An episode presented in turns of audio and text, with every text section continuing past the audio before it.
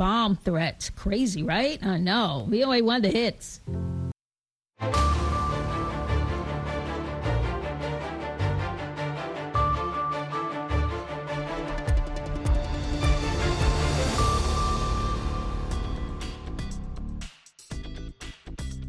halkani waa washington laanta afka soomaaliga idaacadda v o ead ka dhegaysanaysaan mawjadaha gaagaaban iyo efemyada geeska afrika qaarkood iyo weliba bog aan ku leenahay internetka v o a somaly com.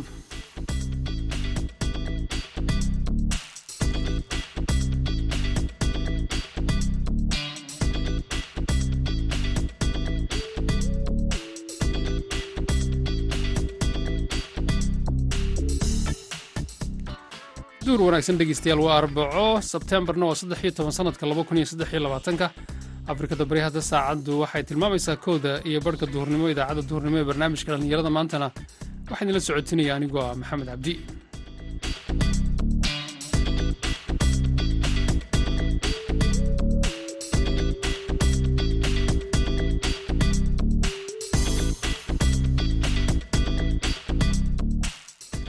Qodobadaad ku maqli doontaan barnaamijka duhurnimo ee idaacadda v o a waxaa ka mid ah wararkii ugu dambeeyey qarax ismiidaamin ah oo muqdisho saaka ka dhacay.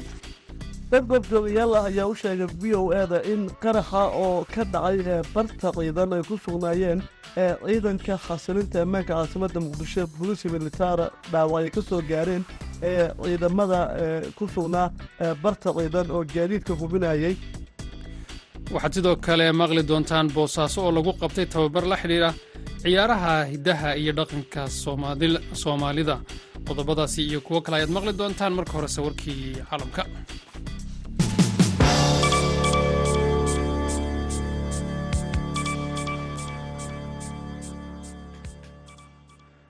Hogaamiyaha dalka kuuriyada waqooyi kim jong un ayaa wacad ku maray inuu taageeri doono waxa ugu yeedha dagaalka muqadaska ee ruushka ku jiro. Hadalkan ayuu sheegay maruu arbacada maanta la kulmay madaxweynaha ruushka valadimir putin.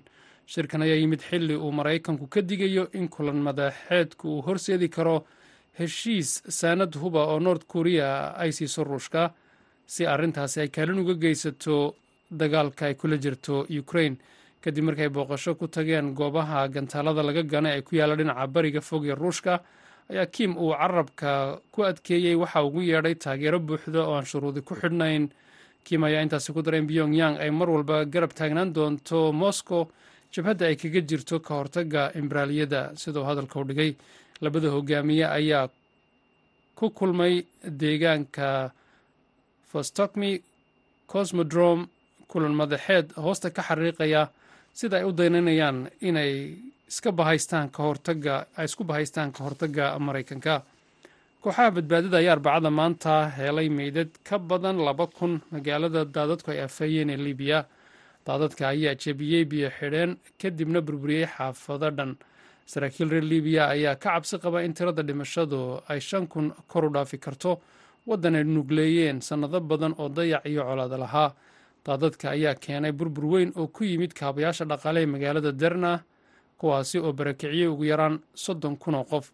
Sida hay'adda muhaajiriinta u n tu ay sheegtay burburka ayaa aad u daran ilaa heer ay hadaha gargaarku awoodi waayaan inay gargaar bini'aadamnimo gaadhsiiyaan. Sida ay sheegtay hay'adda i o m duufaanta badda mediteraneanka ka soo kacday daniel ayaa keentay daadad xoog badan oo ku dhuftay. Magaalooyinka bari ee dalka hase yeeshee taa sida daran uu u saameeyey ayaa ahayd magaalada derna afhayeenka aqalka wakiilada ee koongareeska maraykanka ayaa dhowaan shaaciyey in mudanayaasha aqalka hoose ay bilaabi doonaan xilka xayuubin ay ku sameeyaan madaxweynaha maraykanka jo biden. Arrimo la xidhiidha qarin uu qariyey ganacsi uu wiilkiisu ku lug lahaa kaasi oo biden isagu ka faa'iidaystay. Faahfaahinta warkaasna idaacadaha iyaga soo socda ayaad ku maqli doontaan. Warkii caalamkuna waa naga intaa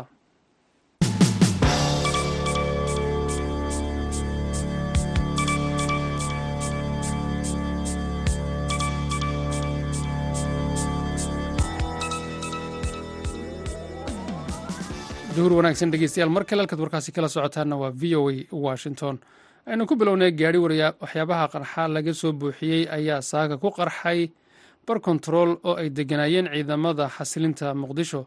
Qaraxa ayaa keenay khasaare dhaawacyo iyo burbur isugu jira. Sida ay sheegeen saraakiilsha ciidanku wariyaha v o eda cabdiqaadir maxamed cabdulle ayuu jamaal axmed cismaan ka wareystay wararkii ugu dambeeyey ee qaraxaasi jamaal waa mahadsan tahay qarax ayaa saaka ka dhaca muqdisho gaar ahaan degmada dayniile bar ciidan ay ku sugnaayeen ee ciidanka khaasarinta ammaanka caasimadda muqdisho loo yaqaano buluusi militaro halkaasay ku hubinayeen gaadiidka soo gelaya magaalada gaar ahaana bartan ciidan ay ku sugnaayeen oo ka yimaada qarifyada magaalada gaar ahaan degmada dayniile waxaa la sheegay in bar ciidanku ay lahaayeen oo gaadiidkan ay ku hubiyaan islamarkaana fadhiisanu ahayd in gaariguu ku qarxay oo ciidamada uusan soo dhaafin. Gaarigan uu ahaa mid laga soo buuxo waxyaabaha qarxa oo halkaa markii uu soo gaaray kadib bartaas ciidan uu ku qarxay islamarkaana waxyaalo dhaawacya u geystay. Siday noo xaqiijiyeen saraakiil ka gaabsaday in magacyadoodan xigano balse la hadlay v o eda marka qaraxani dhaawacyada uu geystay ma dad shacbi ahaayeen ciidamo kuwii amniga sugayay ahaayeen bal haddaad faahfaahin ka hayso? Dad goobjoogayaal ah ayaa u sheegay v o eda in qaraxa oo ka dhacay barta ciidan ay ku sugnaayeen ciidanka khasilinta ammaanka caasimadda muqdisho buluusi militara dhaawacay ka soo gaareen ciidamada ku sugnaa barta ciidan oo gaadiidka hubinayay tirada rasmiga lama oga askarta dhaawacanta laakiin gurmad iyo xaaladu markii dambe u isbedeshay waxaana dhaawacyada loola cararay goobaha caafimaad ee muqdisho dabcan bar ciidan ay ahayd dadku ma xaqiijin karaynin. Dadka goobta ku sugnaa iyo kuwa kaaga dhawaaba waxyeelada gaarta laakiin waxaa la sheegay in khasaaro dhimasho uusan jirin. Laakiin burbur uu dhacay oo goobta oo ahayd meel marka loo eego magaalada gudaheedana aan ahayn laakiin degmada daynil ahayd gudaheeda uu ka dhacay. Laakiin khasaaraha ilaa hadda loo gahay jamaal waa dhaawacyo. Dhowr sargaal oo ka tirsan ciidamada ammaanka oo la hadlana intaasay ii sheegeen oo maysan ii sheegin khasaaro dhimasho inuu jiro. Marka gaarigani sida aad sheegtay waxa uu ku qarxay bar control oo lagu baro gaadiidka soo gala muqdisho ee gobollada ka yimaada. Arrintani maxay saraakiisha aada la hadashay? Ku micneeyeen ma wuxuu ahaa mid bartilmaameedka meesha uu ku qarxay mise waxa uu doonayay in magaalada uu soo galo? Dabadeedna halkaas khasaare kale uu ka geysto buluusi militara loo yaqaanay dhowrkii bilood muqdisho ka howlgelayay waxay ku sugan yihiin cirifyada degmooyinka gobolka banaadir oo tusaale ahaan maaragtay dayniilada shishe halkay kala wadaagto shabeellada dhex shabeellada hoose iyo maaragtay guud ahaan meelaha laga soo galo laakiin gaarigan meeshuu ku qarxa waa daynila gudaheeda oo uu soo dhaafayda hadduu ka yimid banaankana kama dhigno in barti ugu horreysay kama dhigno waa gudihii magaalada. Laakiin haddana waa mid kamida baraha ciidan meesha looga soo gudbayo waddada warshadaha marka laga hadlayo ex control wadadan kulada jaalasiyaad marta dhinaca daynil ay ka tagtaa wadadu marka waa uun meel kamida baraha ciidanku ay ku sugan yihiin maadaama ciidamadan boliisi militaro meel kasta markaad marayda magaalada gaar ahaan marka la soo gelayo ku sugan yihiin bara ciidan oo badan ay ku leeyihiin. Marka ma cadayn karna inuu ahaa barti ciidan ugu horreysa laakiin sida muuqato waa meel kamida baraha ciidan ee weliba ku dhow degmada daynila gudaheeda waaye ma ahan magaalada banaankeeda waa tahay. Waxaad sidoo kale sharxaad naga siisaa xaaladdu hadda waa sida dhowr saacadood ayaa ka soo wareegatay marka qarax uu dhacay kadib. Maxaad nooga sheegi karaysaa dadka deegaanka waxay ii sheegeen xaaladdu inay si caadi ku soo laabatay dhaawacyada la qaaday ciidamada ammaankuna si caadi goobta ugu sugan yihiin halkaasoo baaritaanada caadiga ahaa iyo hubintii ay ka wadaan. Sidoo kale isu socodka dadkuna si caadi ayuu u shaqeynayaa oo hadda wax weyn oo qakiran meesha kama jiraan islamarkaa noloshu si caadiya ayay ku soo laabatay qarxu markuu dhaca kadib kaasi wuxuu ahaa cabdiqaadir maxamed cabdulle wariyaha v o eda magaalada muqdisho oo u waramayey waryaheena jamaal axmed cusmaan haatanna ku soo dhowaada heestan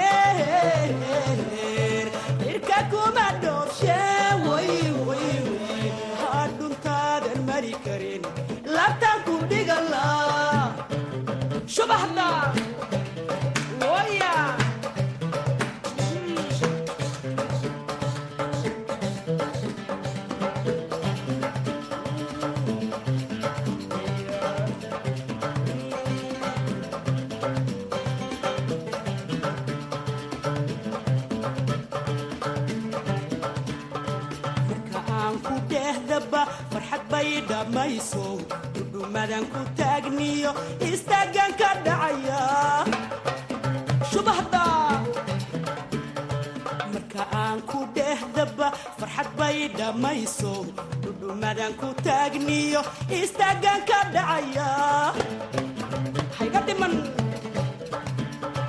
dhulka kuguma aamine irka kuma dhoobshe way hadhuntaadan mari karin. Labtan ku dhigala subaxda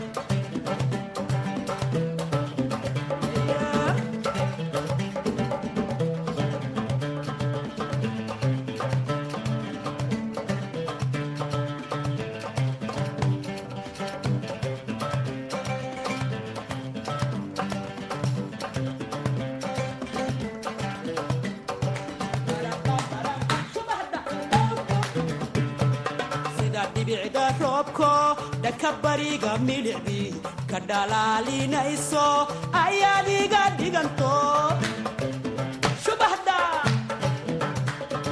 sida dhibicda roobko dhanka bariga milicdii ka dhalaalinayso ayaad iga dhiganto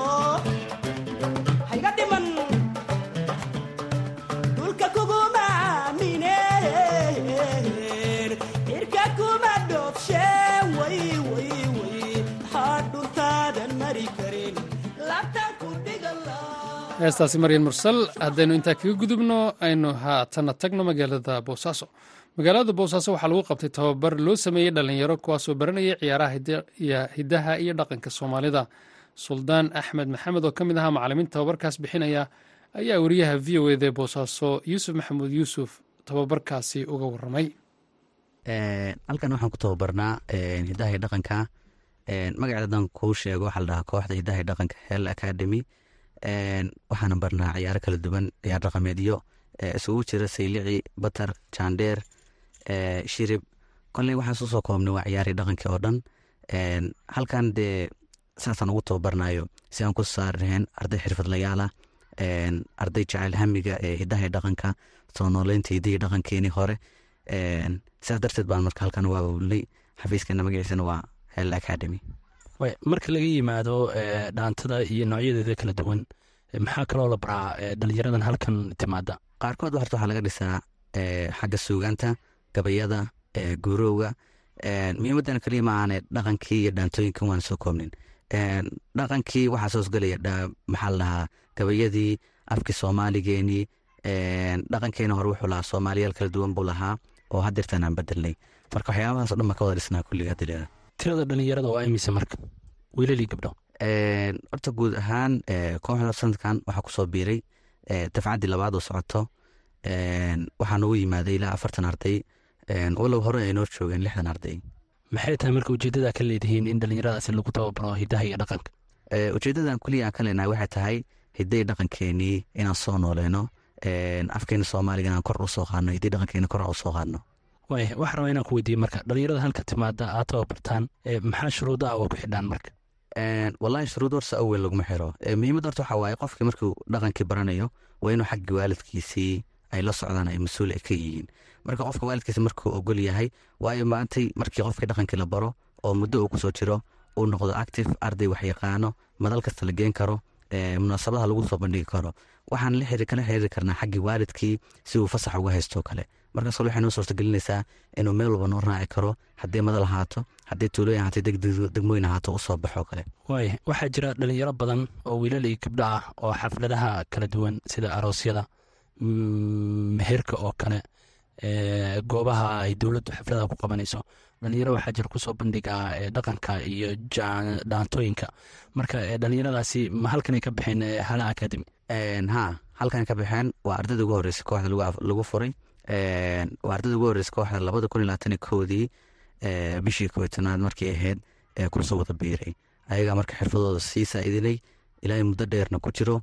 Waa ardada nugu actifsan ardada eedaan u naqaana ardadaas kale. Ayagaa marka waxay tagaan madalayaasha kala duwan sida madasha xafladaha soo dhoweynta madaxda kale aroosyada iyo meherka inta kala duwanba markay halkaasi tagaan ma waxaa jira kharashaad dadka ka qaadaan ama a weydiisaan si aad ugu soo muujisaan ciyaaraha hidaha dhaqanka ha way jiraan oo de koley kharashaadkaas saaid u badneen laakiin kharashaad waa ka qaadnaa ayadoo aan ku fiirno kharashaadkaas si dib kooxdii hel academy noogu laaban lahayd oo guriga aan degannahay iyo howlihiisa kale aan ku maamuli lahayn iyo dareeskeena. Si aan u cusboosiin lahayn haddaba darees cusub aan ugu soo bandhigno madasho kale. Dhalinyarada waxay noqotaa ayagana siday ugu bedeli lahayn siday ugu dabiri lahaayeen nolol maalmeedkooda ayagana dhiirigelin lahayn u noqon lahayd shaqo ay u noqon lahayd waayo maanta de dhalinyaro waxaa laska wada yahay aan waxba lahaysan laska fadhiyo. Marka dee waxaan ka dhigan anaguna shaqo gooniya. Nolol maalmeedkaasa ka dhexsanaa. Rabaa oo kale inaan ku weydiiyo suldaan. Ma markii ugu horreysay baa magaalada boosaaso aad ku soo bandhigtaan hidaha iyo dhaqanka goobaha xaafladaha oo ay noqonaysaa inaad ku soo kordhiseen wax ku cusub bulshada magaalada. Ha muhiimadda u furna waxay ahayd gobolkeena bari ka degmahaan boosaaso anagoo ka suuleyno koox hidaha iyo dhaqanka malaha gobolka bari. Sidaas darteed aan ugu sababtay saasaan u bilownay hidaha iyo dhaqankan. Tiradan ardada hadda haysaan goorma u soo gabagaboobaysaa tababarkan aad siisaan maalintii. Wallahi horta wuxuu ku xirnay qofka maskaxdiisa. Qofka waxaan ka dhisnaa maskaxda iyo gacmaha iyo murqaha baa ka dhisnaa. Dad waxay ku bartaan hidaha iyo dhaqanka oo dhan kumbilad waxay ku soo koobaan bil wax ka yar dadyo kalena waxay ku jiraan ilaa saddex bilood ilaa lix bilood. Waxaan siinaa training saaid u fara badan. Waxaan siinaa ciyaarihii luuqda ahaa oo bisinka uga horeeyo oo ciyaarihii sayliciga ku jiraan. Marka hadba qofka maskaxdiisun bay ku xiran tahay markay maskaxdiisa saddex bilood ama bil uu ku soo barto qofkii wuxuu soo bandhigi doonaa xirfadiisa shaqo. Heesaha dhaantooyinka ku soo bandhigtaan gabagabada wareysigeena ay ku jirnaa. Maxaa nooga tegeysaa ama noogu gabagaban lahayd wareysigeen?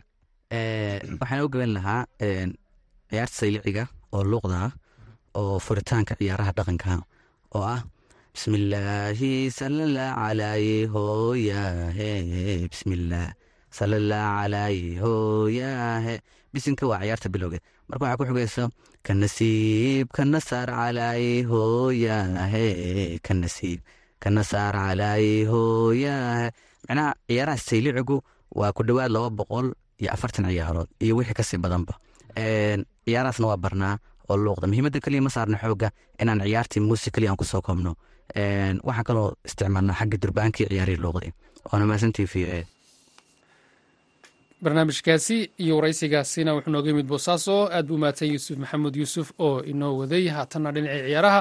Waxaa inoo haya wariyaha v o eda gobolka minnesota maxamuud masacde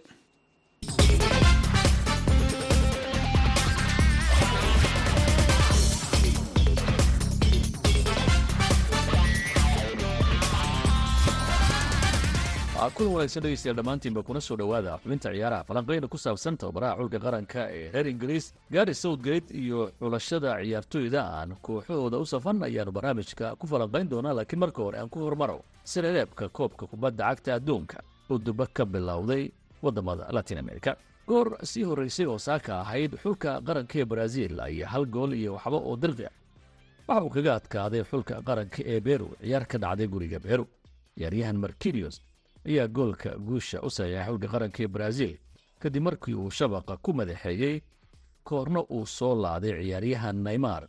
Daqiiqadihii ugu dambeeyey ee ciyaarta brazil ayaana sidaasi saddex dhibcood kaga soo qaadatay xulka qaranka ee beru jili iyo colombiya oo kulmayna eber iyo eber ayay ku kala tageen halka venezuela ay hal gool iyo waxba gurigeeda uga deeratay kooxda xulka qaranka ee baragway ekwador laba gool iyo hal waxay ku dubatay xulka qaranka ee urugway halka argentinana ay ku durdurisay xulka qaranka ee bolivia oo saddex gool iyo waxba waxaa ku adkaaday xulka qaranka ee argentina. Waxaa xusid mudan in kulankan uu ciyaaryahan leonel messi gebi ahaanba kooxda u safarin xataa kursiga kaydka aan la soo fadhiisanin waxayna u muuqataa in labada tababare reer argentina ee kala layliyay qaranka argentina iyo kooxda inter miami ay ku heshiiyeen in ciyaaryahan messi loo nasiyo kulamada adag ee ku soo foolka leh kooxda kubadda cagta inter miami oo maalmaha soo aadan ciyaari doonta.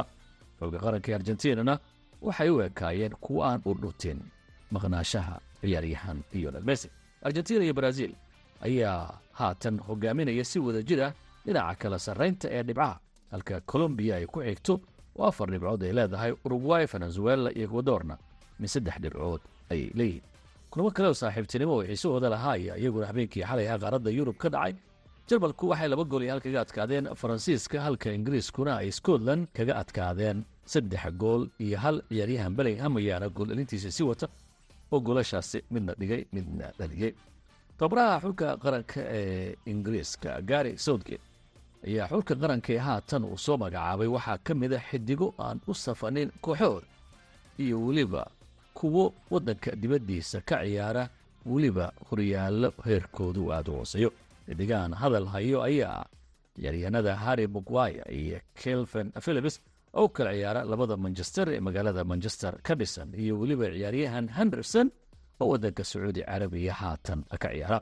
Dad badan ayaa isweydiinaya maxay tahay sababta gaari southgate uu mar walba u soo xoosho xidigahan kooxahooda booska kana? Su'aashaasi waxaa ka jawaabaya cabdulqaadir afaarax oo loo yaqaano lee madnes oo ciyaaraha ingiriiska si weyn ugu dhoondaruula saddexdaas nin wuxuu ku wataa waxa weeye in ay cayaartooy u soo halgabay oo la soo cayaaray cayaar qaab ciyaareedkiisa yaqaana. Kana cayaaray qatar tugi meel fiican gaarsiiyey qaranka ingiriiska iyo koobkii euro oo sidaas awadeed ayuu raggaani sidaas ciyaartooyda sooma ahayn in lagu soo xulo awooddooda iyo kubadda siday u ciyaarayaan. Tusaale haddaan soo qaadano harry maguire oo kale kooxdiisa manchester united boos kama haysto.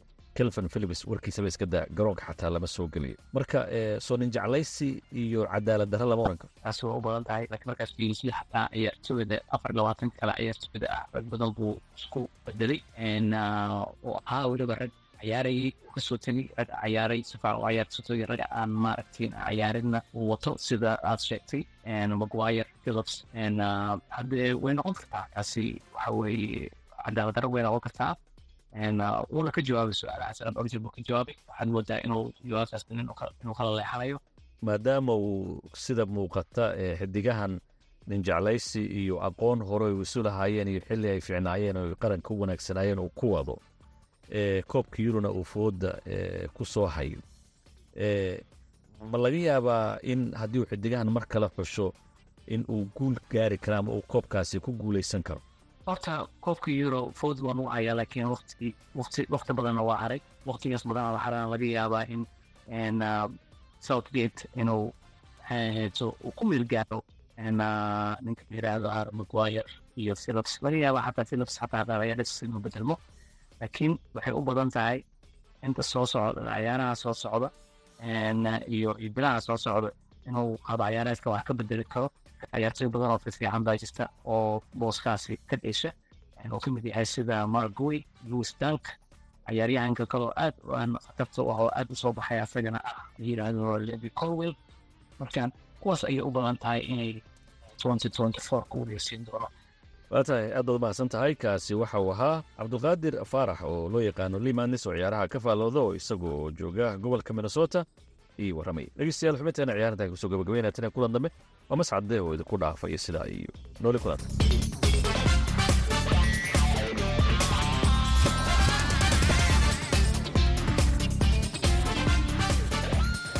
aad iyo aad buu mahadsanyahy maxamuud masacade oo ciyaarihii inala socodsiinayay haatanna ku soo dhowaada mar kale dhinacii heesaha